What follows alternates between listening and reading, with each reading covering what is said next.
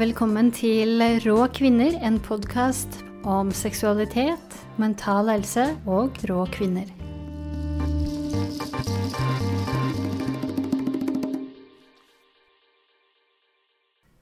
Hei, mitt navn er Elise Ain, og velkommen til en ny episode av Rå kvinner, denne gangen på kvinnedagen.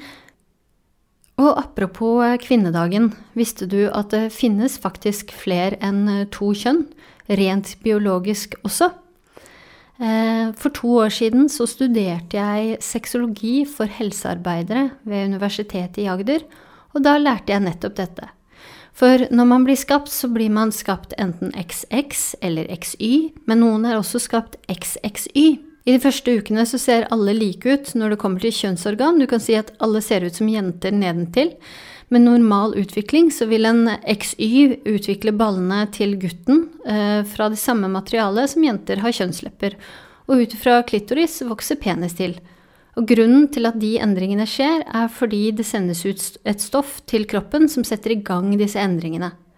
Men hvis av en eller annen grunn stoffet ikke tas opp eller ikke sendes ut, så kan man fødes med en eh, XY-kromosom, altså være en gutt, men se ut som en jente nedentil. Eller det kan være andre ting som skjer, som gjør at man ikke fødes med det kjønnsorganet som passer til kjønnet. Det finnes mye som kan skje i biologiens navn også, som jeg ikke klarer å utrede her. Da er man det man kaller intersex. Eh, men, men så er det jo andre måter å snakke om kjønn på også, fordi vi har jo også det sosiale kjønnet og kjønnsidentitet, og det gjør spekteret enda mer regnbuefarget. I denne episoden vil du få en langlytting, som vil si at du får litt lengre podkast enn jeg vanligvis eh, lager. Og det er for å hedre kvinnen og sette ekstra søkelys på en viktig debatt i kvinnedebatten, nemlig den om transkvinner sine rettigheter og perspektiver.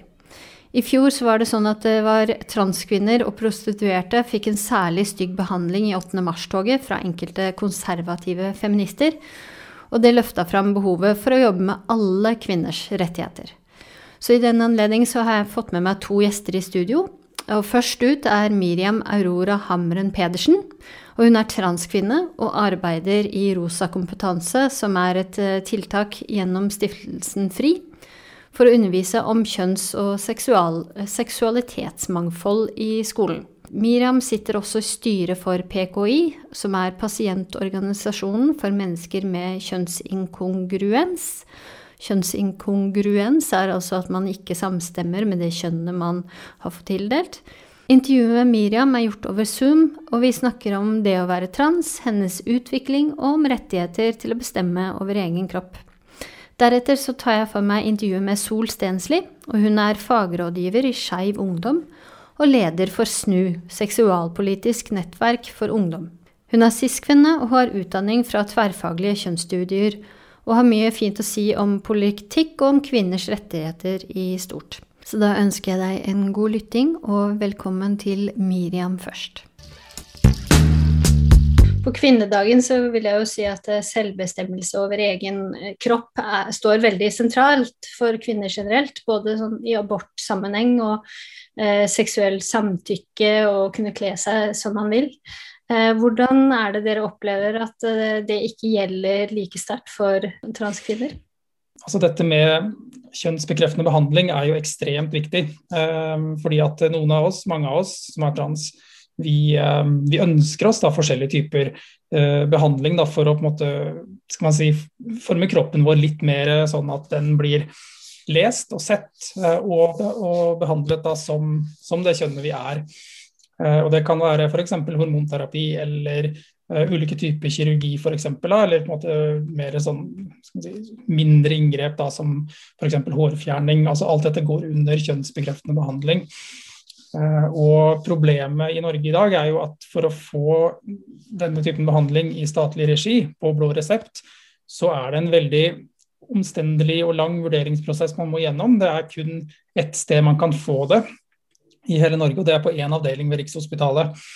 Eh, og det betyr jo eh, at altså si, de har begrensa ressurser. og er også veldig opptatt av å på en måte sile og ikke overbehandle. og Det er selvfølgelig viktig også, men eh, i den prosessen så blir det også veldig mange som skulle hatt behandling, eh, avvist. Så det er veldig det vi ser på som gatekeeping, da, som blir drevet der. og det her gjelder jo på en måte ikke bare transkvinner, men også transmenn og ikke-binære. Men at vi, vi får på en måte ikke lov til å gjøre det vi trenger å gjøre med kroppene våre. da. Så den autonomien den blir til dels tatt fra oss. altså Det er mulig å gjøre ting Eh, privat, men det er ikke alle som har eh, råd til det. Det er ikke alle som har ressursene til å finne ut av hvordan man måtte, navigerer seg gjennom det private eh, systemet. Så, så det, det, er et veldig stort problem. Da. Det er interessant å se på f.eks. For altså fordi det argumenteres jo ofte med at det vi transpersoner gjør med kroppene våre, er på en måte ofte irreversibelt. Da, og at det er farlig hvis folk angrer. Mm. Og, og, det er jo en, selvfølgelig sant. og Vi vil jo på en måte ikke at at folk skal angre. Men, men samtidig, hvis vi ser på det fra et liksom kroppsautonomiperspektiv, da, så er det jo også sånn at en cis-person, altså en person som ikke er trans, kan jo gå og få eh, si, brystforstørrelse eh, eller brystforminskning. Mm. Eh, mens, måtte, altså, uten å måtte gå gjennom de samme eh, langvarige prosessene som vi må. da. Mm. Eksemplene er mange, da. Hvordan påvirker det med vanlige mennesker og møte med vanlige mennesker? Er det noen fordommer der? Uh, og da regner man med at med vanlige mennesker så mener du da kanskje cis-folk? Ja, ikke som i fa ikke fag, uh, fagfolk, men cis-folk, ja. Sånn ute i det store og ja. det hele. Vi er, jo, vi er jo vanlige, vi også. Uh, ja. Jeg tenkte ikke nei, på fagpersoner som i Rikshospitalet, men ute ja, nettopp. Mm. i vanlige livet. Nei, det er jo det er litt varierende. Uh, noen er enig med Riksen, og andre er enig med oss. Mm. Um, så det, og selvfølgelig, det finnes jo også transpersoner som ikke vil være enig med det jeg sier nå. Så jeg snakker jo ikke på vegne av hele måte, kategorien transpersoner heller. Vi er jo like mangfoldige vi som alle andre i samfunnet. Mm. Men det, det, er veldig varierende, uh, vil jeg si. Uh, ja, jeg har opplevd mye, jeg har fått mye støtte på, på, disse tingene, og jeg vet at vi i PKI får mye støtte på det vi sier. Mm. Uh, samtidig så har det også vært uh, kronikker ute i avisene som, uh, som har målbåret et, et, motsatt perspektiv. Da. At dette her er veldig, det er farlig å gå for fort fram, det er farlig å gi måte, oss for mye frihet, for da, da kan vi på en måte ende opp med å gjøre ting som, som ikke er til vårt, vårt eget beste. Så, så, meningene varierer. Ofte er det sånn at folk har veldig mye meninger om oss uten at de egentlig enten selv er trans eller vet så veldig mye om hva det vil si å være trans. Det, det er litt frustrerende da, noen ganger, all denne mm. synsingen. Mm. Eh, det er klart, det skjønner jeg godt. Hvordan har du opplevd eh, hindringer eller fordommer hos andre mennesker? Jeg tenker du generelt nå? Eh, hva tenker du om eh, meg personlig? Mm. Ja, det Altså For meg, jeg har vært ganske heldig sånn sett, for jeg har et veldig godt støtteapparat rundt meg. Jeg har en veldig støttende familie. Jeg har en stabil livssituasjon, høyt utdanna. Så, så, jeg klarer meg nok eh, bedre. altså Jeg er i den måte mer privilegerte enden av spekteret når det gjelder transpersoner. Mm. Um, men selvfølgelig, altså for, meg så, altså for meg så har det jo vært kanskje mer eh, kan du si sånne mikroaggresjoner i hverdagen. Da. Jeg har bodd Eh, noen år i utlandet. Jeg har bodd tre år i Sør-Afrika, flytta ganske nylig hjem til Norge. Mm. Men i, i Sør-Afrika så er det jo på en måte, det er språket ganske aggressivt kjønna. så På engelsk så bruker man jo sir og madam og på en måte sånne ting veldig veldig mye. Mm. Uh, og da merker man jo fort at det, på en måte, hvis, man, hvis man ikke passer helt inn i noens forventning hvordan en, hvordan en kvinne skal se ut, da, så, så, så, har folk ganske mange måter å uttrykke det på. Uh, ofte på litt sånn måter som kanskje ikke er helt direkte, da, men som likevel gjør vondt. Uh, til og med også når det ikke er ment vondt. da. Uh, så det er liksom paradoksalt. da Folk kan prøve å være veldig høflige, og så sier de på en måte 'sir' til meg, og så ender det opp med, med å på en måte være veldig, veldig smertefullt da, for meg. Mm. Uh, for at å, å, bli feilkjenna på den måten betyr jo på en måte at man, man ikke blir sett som det mennesket man, man faktisk er. da. Yeah. Og nå, ellers så er det jo på en måte Jeg vil si i Norge, da, så er, har jeg ikke opplevd så mye av det man kan kalle transfobi, egentlig. Personlig, men, men jeg har opplevd en del en måte, litt sånn indirekte minoritetsstress, da, som man kaller det, mm. gjennom å høre om måte, hva slags holdninger som finnes der ute, og lese kronikker og lese kommentarfelt. Hvor folk eh, kan være ganske fiendtlige til transpersoner. Mm. Eh, og så er det selvfølgelig alltid vondt å, å lese og høre da, om transfolk i andre deler av verden, eller til og med i Norge, da, men så andre enn meg som blir eh, ja, um, hetsa, trua, sjikanert, ja, utsatt for vold og drept. Da. Det var jo flere hundre transpersoner som ble drept i fjor f.eks. Og det, ja, det mm. gjør jo på en måte litt noe med hvordan man man ser på sin egen plass i verden. Da. Eh, det blir litt sånn at man kanskje ser seg litt ekstra over skulderen. Eh, lurer litt på på en måte, hører man hjemme. Eh, selv om det på en måte ikke handler om ens egne personlige direkte erfaringer, da. Mm. Hvis det gir mening. Ja, det gir, det gir veldig mening. Og så nå er det jo sånn at man, man blir født inn i en kategori kjønn, eh, mann eller kvinne. Eh, men så er det jo egentlig ikke så enkelt. og Det kan skje mye forskjellige ting som gjør at man egentlig ikke passer inn i det kjønnet som man på papiret har. Da. Hvem er det da som skal bestemme kjønn, mener du? Altså, spør du meg som transperson og som måte, PKI-er og som frier, holdt jeg på å si, altså, som meg, så altså, jeg mener jo veldig sterkt at det er det bare hver enkelt av oss som vet, uh, faktisk. Eh, de aller aller fleste mennesker i verden er jo cis. altså Cis-personer, med det så mener vi jo da folk som faktisk identifiserer seg med det kjønnet de fikk tildelt ved fødselen. Så de, de fleste, for, for, de fleste av oss er ikke dette her noe problem i det hele tatt. Det er, ikke en, det er ikke en sak som folk trenger å tenke på, det er folk flest. Um, mens, uh, mens, for en veldig liten minoritet av oss, da, som er de av oss som er trans, så, så betyr dette ekstremt mye da, å kunne ha på en måte, muligheten til uh, å leve uh, på en måte som er i tråd med det vi vet at vi er. Um, så det, Der er jeg veldig på at folk selv skal kunne bestemme. Um, og igjen da, For de fleste så vil dette her ikke ha noen altså Det vil ikke gjøre noen forskjell. da, fordi mm. de aller fleste er på en måte enig med det, den, den, merkelappen vi har fått tildelt. da. Mm. Du skrev nå en artikkel om, eh, om eh, din eh, transformasjon selv. Kan ikke du fortelle litt om det? Hvordan du har følt og hva du har gått igjennom? Kan du spisse litt, sånn at jeg vet hvor jeg skal ja. begynne? Hvordan kom du fram til at måte, Når er det du kom fram til og, og ønsket å gå i gang med eh, disse tingene? Med endringen av kjønn? Altså, altså jeg, jeg, hadde ikke så sånn veldig bevisst forhold til kjønn egentlig før, før jeg var ca. 15-16 år. Eh, som mm. barn så var jeg var på en måte i gåseøyne gutt fordi at jeg ble fortalt at jeg var det. Eh, og så når jeg var var ca. 15-16, så begynte jeg måte å kjenne på at det var noe som ikke helt var uh, sånn som kanskje folk trodde det var. da. Jeg begynte å eksperimentere litt med kjønnsuttrykk og litt sånne ting. Jeg fikk liksom så som så tilbakemeldinger på det fra folk som på en måte så det. da, og Eh, så var det også sånn dessverre at på, på, den tiden jeg er født i 1990, så jeg gikk på skolen på, på 90-tallet og tidlig 2000-tall. Da, da, da, ble det ikke snakka om uh, kjønnsmangfold og kjønnsidentitet og det å være trans uh, i skolen i det hele tatt. Så for meg så på en måte det jeg lærte om trans da jeg var barn, det var jo via måte, filmer som Ace Ventura og 'Silence of the Lambs' og og sånne type ting. da, på en måte Veldig sånn forvrengte og negative framstillinger. Eh, vi var på en måte klovner, eller så var vi seriemordere. på en måte. Mm. Eh, og I tillegg, da, når jeg på en måte kom i tenåra, så kom jeg over litt sånn altså, dubiøs forskning rundt hva det vil si å være trans. Um, og alt dette her på en måte gjorde at når jeg begynte å utforske dette her eh, som 15-16-åring, og, og, fikk litt sånn så som så tilbakemeldinger og hadde dette her i bagasjen fra før, så, så endte det med at jeg ble jeg jeg stoppa opp um, og, og, gikk ikke videre med det. Jeg fortrengte hele greia, prøvde i hvert fall. Det gikk ikke på en måte så bra. Um, og, og, prøvde så godt jeg kunne da, å leve som måte, det kjønnet jeg hadde blitt tildelt i, uh, i ganske mange år. Um, fram til jeg da i, uh, i, en alder av 27 skjønte, at, uh, eller skjønte bevisst da, klart og tydelig at, uh, at jeg var trans og at jeg måtte mm. gjøre noe med det. At jeg ikke kunne leve på en annen måte.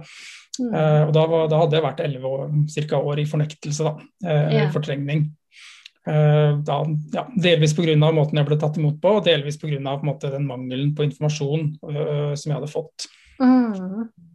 med meg da fra barndommen av. Så det var på en måte bakhistorien til det, da. Ja. Kan jeg spørre deg om et litt mer personlig spørsmål? Hvordan påvirka det deg seksuelt? Det å ikke være den personen man ønsker å være eller fremstå som? Det var um, altså det, er litt, det, er litt, vanskelig å si på en måte hva som var hva, og hvordan måte, For at jo, måte, livet mitt har jo, Det er mange ting i livet mitt som har påvirka eh, forskjellige ting. Men mm. jeg, altså, jeg, tror nok det påvirka sexlivet mitt ganske negativt. Um, at det kunne vært veldig mye bedre. Altså, det, det, er, det, er, mye bedre i dag enn det var eh, den gangen. Um, det handler jo på en måte også mye om uh, sånne ting som f.eks. kjønnsnormer og kjønnsroller. Da. På en måte hvilken rolle man blir forventa å ta i et måte, mellommenneskelig forhold. Mm. Uh, og at jeg aldri følte meg komfortabel i den rollen som jeg ble tildelt som såkalt mann. Um, så, så noe, selvfølgelig noe av det handler om kroppsfølelse, da, altså dysfori, som vi kaller det. da, på en måte Det å mm. føle ubehag ved den kroppen man har. Mm. Men, men, mye av det er også sosialt, vil jeg si, i mitt tilfelle. Mm. Ja, det er kjempeinteressant, fordi jeg har jo skrevet en bok om eh, seksualitet, og der er mye kvinneroller, og, og hvordan man kan på en måte snu disse mann- og kvinnerollene eh, sentralt. Så, mm. så, det var veldig interessant å, å høre om. Um, ja, jeg vil jo si generelt så er jeg, noe, jeg er veldig lite fan av måte, den der dynamikken eh, mm. mellom kjønnsrollene. Da, på en måte At en mann skal være på en måte, en kvinne skal på en annen måte. og på en måte Den dynamikken er på en måte det, det som er normativt. Da. Det har jeg aldri egentlig likt. Nei. Hvordan, eh, nå har du gått i gang med sånn eh, hormonbehandling i var det snart et år? Eh, jeg, jeg har gått på hormoner i eh, skal vi se hvor lenge er det nå, det er faktisk snart to år. Å, riktig. Mai. Ja. Og hvordan opplevde du det, når du endelig fikk lov til å gjøre det? Altså Måten jeg gjorde det på, var at eh, jeg eh, starta hormoner privat mens jeg bodde i Sør-Afrika, og fikk da resept på det via en doktor i Cape Town. Um, og det, det funka kjempefint. Uh, det var veldig grundig oppfølging. Uh, det var uh, de første månedene så var det vel månedlig eller var det annenhver uke, jeg husker ikke. Det var veldig ofte. Uh, veldig hyppige kontroller, veldig hyppige blodprøver. Og, uh, og vi gikk på en måte gradvis opp i dose helt til jeg fant en dose som var perfekt, og som på en måte holdt østrogenet mitt oppe på et visst nivå og testosteronet mitt nede på et visst nivå. Mm. Um, så jeg tror fra ja, det var, var, Jeg starta i mai 2019, og i august så var, måte, så var, jeg på et stabilt sted da, uh, når det gjaldt hormonbalanse. Ehm, og eh, jeg merka det på en måte For det første så, så merker jeg veldig fort at um, uh, ja, den mentale helsen min den ble veldig mye bedre. Eh, jeg har jo angst, bl.a. Har det som en altså, generalisert angstlidelse. Mm. Uh, har begynt å være åpen om det nå nylig. Det er på en måte om mulig enda mer stigmatisert, dette med mental sykdom, da, enn kanskje det var trans. I hvert fall litt sånn på samme nivå. Mm. Men, uh, men, den angsten som jeg, slitt med, som jeg sleit med før, den ble, den ble, mye bedre av de hormonene. Jeg, tror, jeg vet ikke helt hvordan det uh, funker, men det hjalp. Og så etter hvert som kroppen min på en måte begynte å forandre seg, da jeg kunne se endringer i speilet, så eh, forsvant jo mye av den, på en måte det, eh, de negative følelsene jeg hadde overfor egen kropp. Dysforien min. Eh, den er jo ikke borte, men den, den ble jo veldig lindra. da. Eh, mm. At jeg på en måte måned for måned kunne se at jeg ble mer feminin. Eh, både i ansiktet og resten av kroppen. Mm. Så, så det, det, med hormoner, det har vært eh, si, udelt positivt for meg. Uh, absolutt. Det er en, mm. mm. veldig takknemlig for at jeg fikk den muligheten. Jeg går fortsatt privat, så jeg betaler jo egen lomme, men det er definitivt verdt det, for å si det sånn. Ja, det er veldig, veldig viktig også, egentlig. At det, det, det, å bli sett på som den man er, er jo det man alle egentlig vil. Ikke sant. Ja. Jeg må jo bare skyte inn da, at det, det fins jo noen kanskje relativt få, men det finnes noen transpersoner som også ikke ønsker medisinsk ah, behandling. Okay. Uh, jeg vet, vet bl.a. om en, som, en, person som lever uh, veldig godt uten det, uh, som er mhm. kvinne og som, som, ikke har noe problem med det. Men det, jeg, tror, jeg, tror, det er en, en måte, mindre gruppe, da. Men, mm. men, men de fins, de også. Yeah. Så det er, noe, det er, ikke obligatorisk at man må gjennom alle tingene. og Det er også sånn at det er også en ting da, som jeg bare må nevne. at noen ønsker noen ting, men ikke alt. Uh, noen ønsker f.eks. kun hormoner, men ikke uh, kirurgi f.eks. Og noen ønsker bare visse typer kirurgi f.eks. Mm. Uh, og her mener jeg også det er veldig viktig at hver enkelt får lov til å bestemme selv. ja. ja. Det er rett og slett mangfoldet og individets røst som er det viktigste. Fordi sånn, sånn at uh, individet får, får, det best mulig. Jeg skal bare si det, Vi blir møtt med en del mistro i samfunnet, og det, jeg tenker det er viktig at altså, cis-personer, selv om cis-personer er i flertall, så, eh, så, er det viktig at, uh, at dere lytter til oss. da. Mm. Og tar oss på ordet og tar oss alvorlig. Mm. Fordi at det er vi som vet hvordan det er å ha kjønnsinkongruens. Det er vanskelig for oss å forklare, men det betyr ikke at det er noe mindre reelt av den grunn. Mm. Det tenker jeg er veldig veldig viktig. Vi har en livsverden så, som ikke, de som ikke har kjønnsinkongruens, egentlig kan få tilgang til. Da. Um, ja. Det må man respektere. Mm.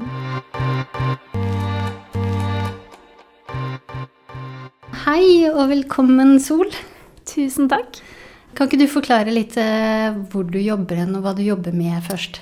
Ja, uh, jeg jobber uh, som leder i SNU, Seksualpolitisk nettverk for ungdom. Eh, og vi er en ungdomsorganisasjon som jobber med SRHR, som er eh, Det betyr eh, seksuell og reproduktiv helse og rettigheter. Så vi jobber hovedsakelig med opplysningsarbeid rettet mot unge under 30 år om seksuell helse og kropp og seksualitet og kjønn og nytelse. Og så jobber vi en del med politisk påvirkning opp mot Stortinget og politikere for å endre f.eks. lover eller andre ting for å bedre rettighetene til alle unge og alle mennesker generelt når det kommer til kropp og kjønn og seksualitet. Og når det kommer til eh, transpolitikk, eh, dere har, mm. jobber også med det, ikke sant? Ja, ja. Eh, vi er jo den nest største eh, transorganisasjonen i Norge, kan man si. Eh, eh, ved siden av PKI, Pasientorganisasjonen for kjønnsinkongruens.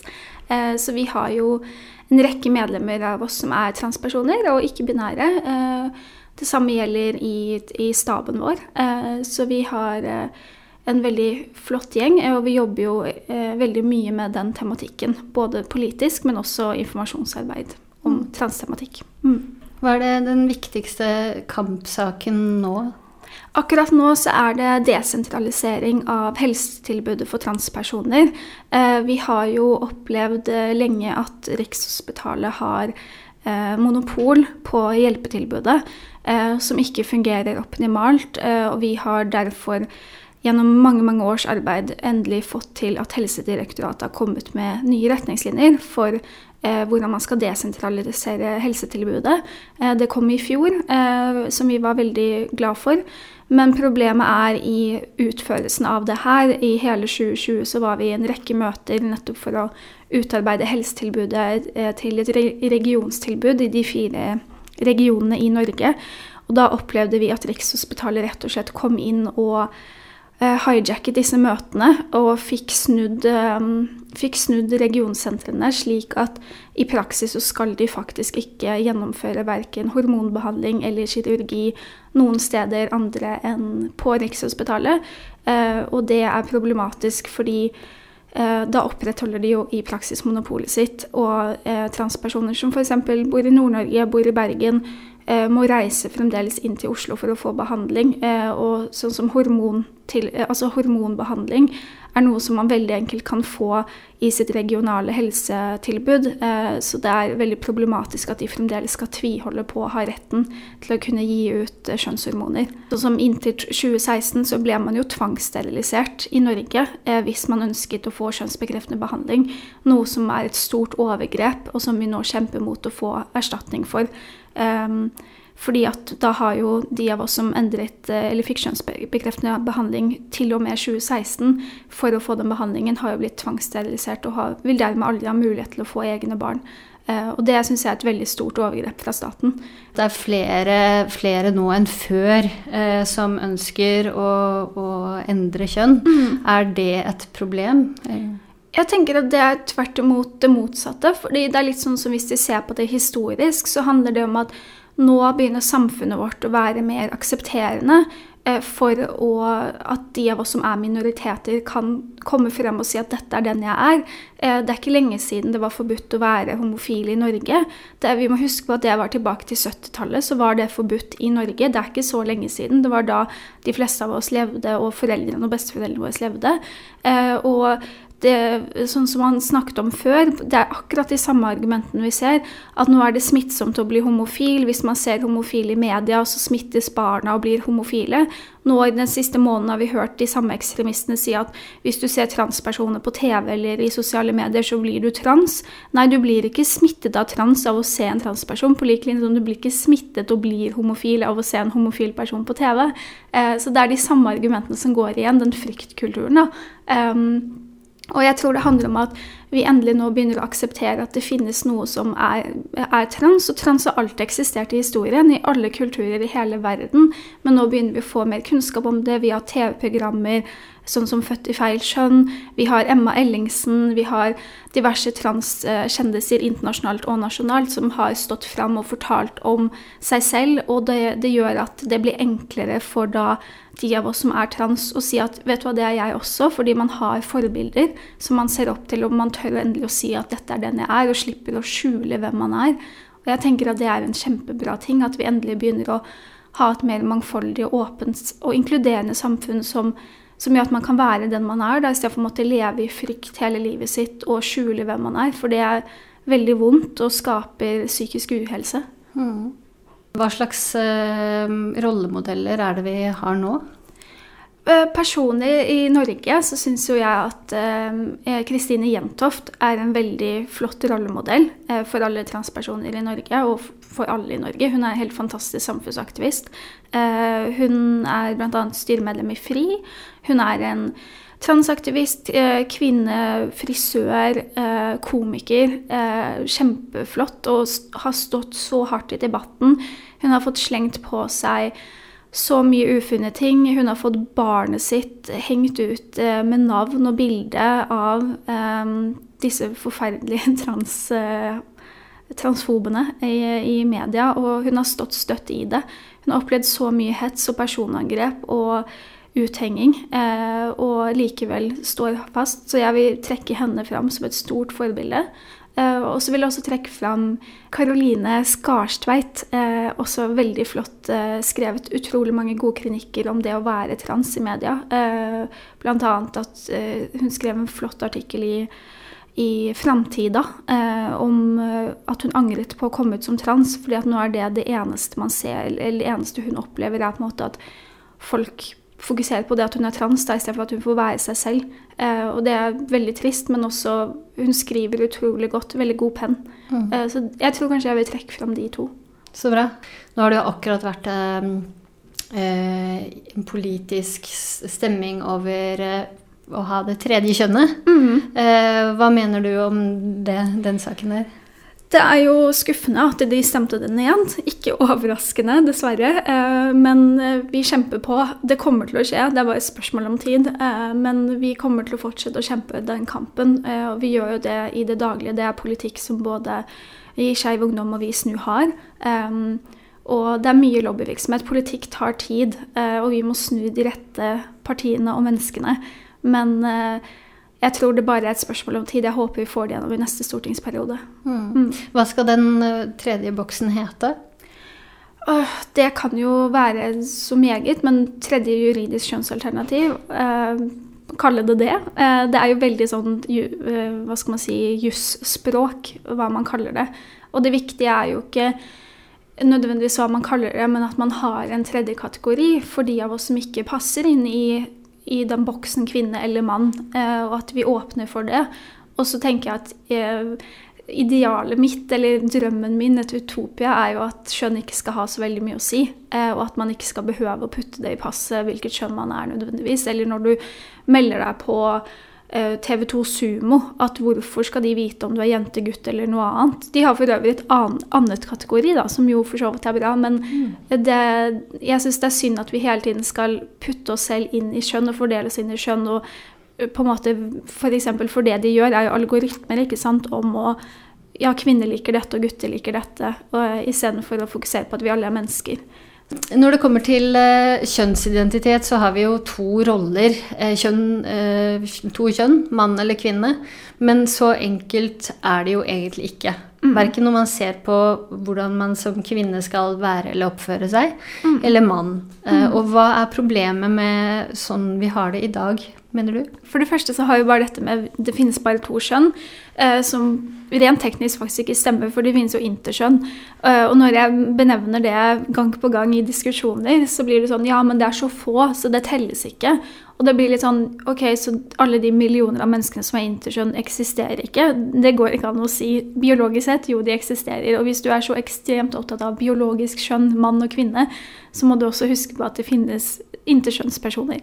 Eh, og så kommer det til nettopp eh, sosialt kjønn og kjønnsroller, som er på en måte veldig viktig, eh, og som former oss. Og det handler om, det er jo to sett. Sosialt kjønn handler om hvordan samfunnet på en måte putter deg sier at ok, du eh, passerer som kvinne, så da skal du være sånn og sånn. Eller du passerer som mann, så da skal du være sånn og sånn. Um, som på en måte er det samfunnets forventninger putter på deg i hvilket kjønn du er, og vil, hva du da skal gjøre. Sånn du er kvinne, da skal du være yndig og feminin, f.eks. Og så har du da kjønnsroller, som er de rollene vi faktisk tar i det daglige, som, da, som da er preget av hva vi tror samfunnet forventer av oss, eller hva de faktisk forventer av oss.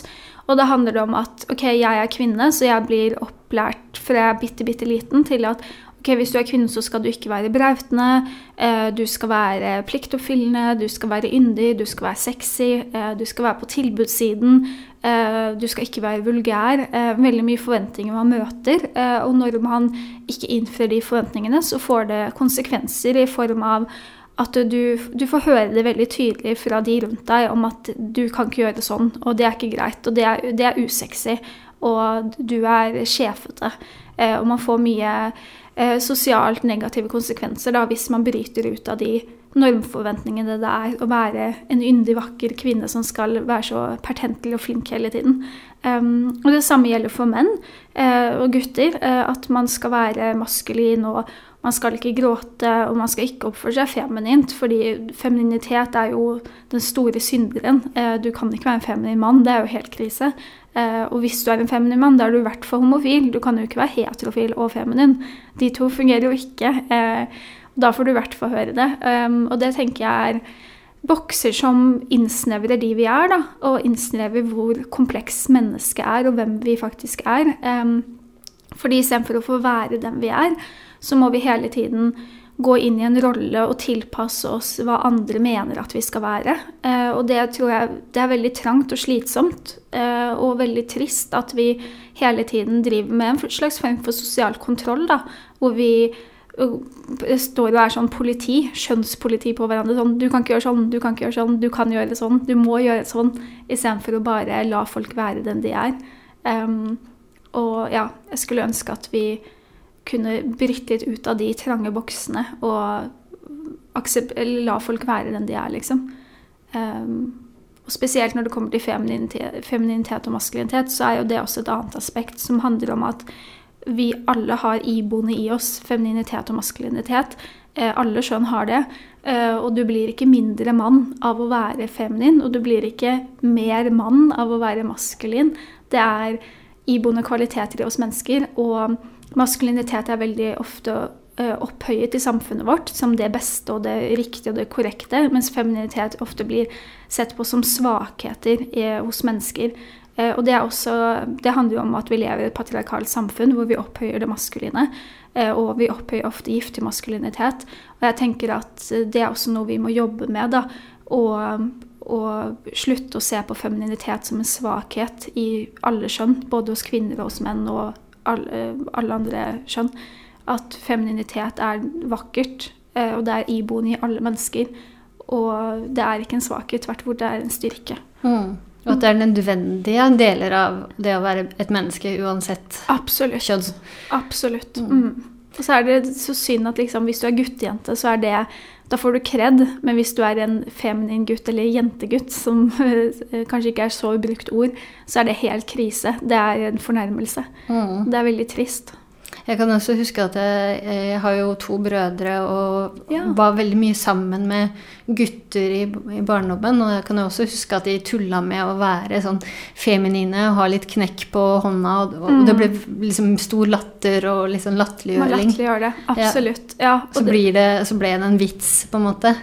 Ikke sant. Og det er, og det er så synd, fordi det, da forsterker man på en måte den en, en, en, ukultur eller noe som innskrenker altså at vi kan utøve hvem vi er. Og jeg hadde en uh, hovedkronikk i Aftenposten for to år siden hvor NRK hadde en TV-serie hvor de latterliggjorde voldtekt av menn. Eh, hvor det var i et humorprogram så um, var det en mann som ble uh, gruppevoldtatt av gnomer. Menneskelignende gnomer. Og det var morsomt, fordi det er gøy å se menn bli voldtatt. Eh, og så problematiserte vi da i SNU i det i kronikken vår at hvorfor er det humor eh, at menn blir voldtatt? Hvis det hadde vært motsatt, så hadde det eh, blitt helt ramaskrik. Men vi latterliggjør at menn blir voldtatt, fordi at det går ikke an at, blir, eh, at, menn blir voldtatt. Og hvis de blir voldtatt, så skal de være glad for at noen vil ha sex med dem. Og det er en ekstremt giftig kultur da, på nettopp det, eh, som igjen øker stigmaet for å være voldtatt mann og tørre å fortelle om opplevelsene sine. Eh, fordi voldtekt rammer oss alle, og det rammer også menn. Og det er veldig problematisk at vi fremdeles i 2021 står og lager humor av at menn blir voldtatt. Og det føler jeg er en tegn på giftig maskulinitet i samfunnet vårt. da. Mm. Helt enig. Så da sier jeg bare tusen takk eh, til deg, Sol. Tusen takk for at jeg fikk komme. Det var veldig gøy. Mm, takk. Ha det bra. Ha det bra.